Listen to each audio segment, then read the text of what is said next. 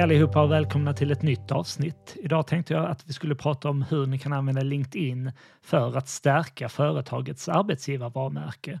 Vi ska även prata om hur lite andra företag gör detta och hur de gör för att lyfta sina medarbetare genom den kommunikationen som de bedriver via sin företagssida på LinkedIn. Så en sak som många företag gör som tar tag i sin närvaro på LinkedIn, det är att de skaffar en karriärsida. Där skulle jag säga är mer vanligt bland större företag som har ett väldigt stort behov av att kommunicera sitt arbetsgivarvarumärke. Karriärsidor pratar jag mer om i avsnitt 50, så kolla gärna in även det avsnittet.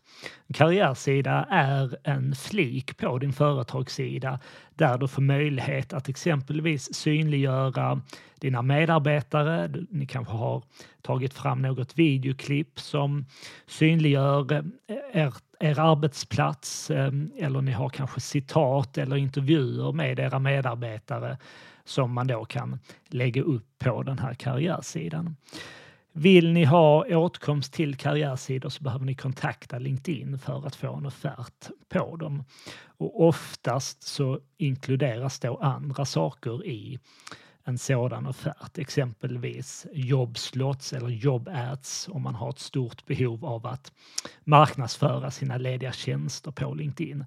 Men är du intresserad av det här så kontakta LinkedIn så kommer de ge dig mer information och en prisbild på detta. Vill du se hur karriärsidor ser ut i verkligheten så kan du exempelvis gå in på Ikeas företagssida på LinkedIn. De använder karriärsidor och så kan du se hur de har valt att utforma just sin sida. Andra sätt som företag använder för att just stärka sitt arbetsgivarvarumärke det är att använda statusuppdateringar helt enkelt. Alltså att man regelbundet publicerar inlägg på sin företagssida med ett väldigt starkt fokus på sina medarbetare. Så jag tänkte titta på, eller att vi skulle prata om tre exempel, relativt nya inlägg från tre större organisationer, Skanska, Telia och Ikea.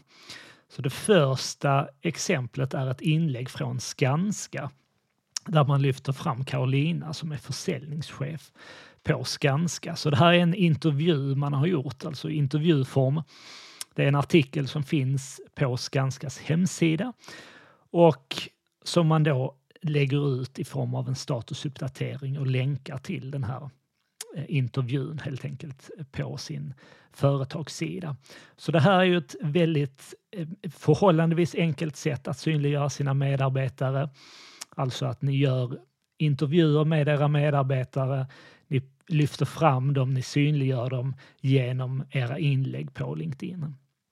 Det andra exemplet är från Ikea, eller förlåt, från Telia där man har gjort ett internationellt event, ehm, en, en tävling, en intern tävling kan man säga, eh, som de kallar Hack Night Royal.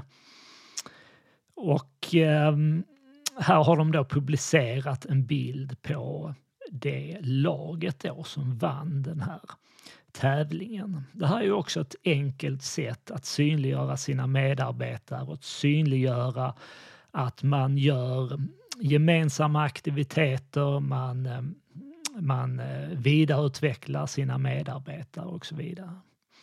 Det tredje exemplet är från Ikea som gör en statusuppdatering där de skriver om att de äntligen har öppnat eh, och tar emot gäster till sitt julbord på sina restauranger. Och istället för att bara berätta detta då så har de även lagt med i det här inlägget en bild på en medarbetare från restaurangen som heter Andreas tillsammans med ett citat eh, från honom.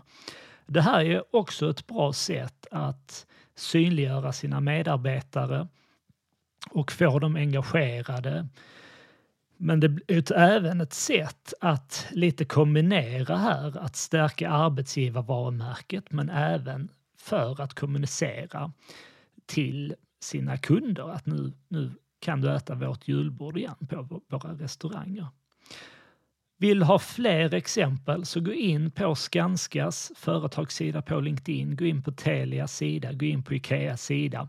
Scrolla igenom deras flöden så kommer du se flera exempel på hur de just synliggör sina medarbetare på olika sätt. Ett annat sätt att just synliggöra sina medarbetare som har varit väldigt populärt under de senaste åren är ju det som framförallt många kommuner har gjort, alltså att de har lämnat ut eller lånat ut sitt exempelvis då Instagramkonto till olika medarbetare inom organisationen. Och så har man då under en vecka fått följa med de här medarbetarna och få lite bakom kulisserna känsla, få en inblick i hur deras arbetsvardag ser ut. Det här är också ett förhållandevis enkelt sätt att synliggöra era medarbetare, att synliggöra de viktiga frågor som ni jobbar med på ert företag. Så kolla in olika kommuner, eh, titta på hur de har jobbat med detta, se om det finns inspiration att hämta och fundera över ifall det här är något som ni hade kunnat göra inom ert företag för att synliggöra alla de medarbetare som finns runt om i organisationen.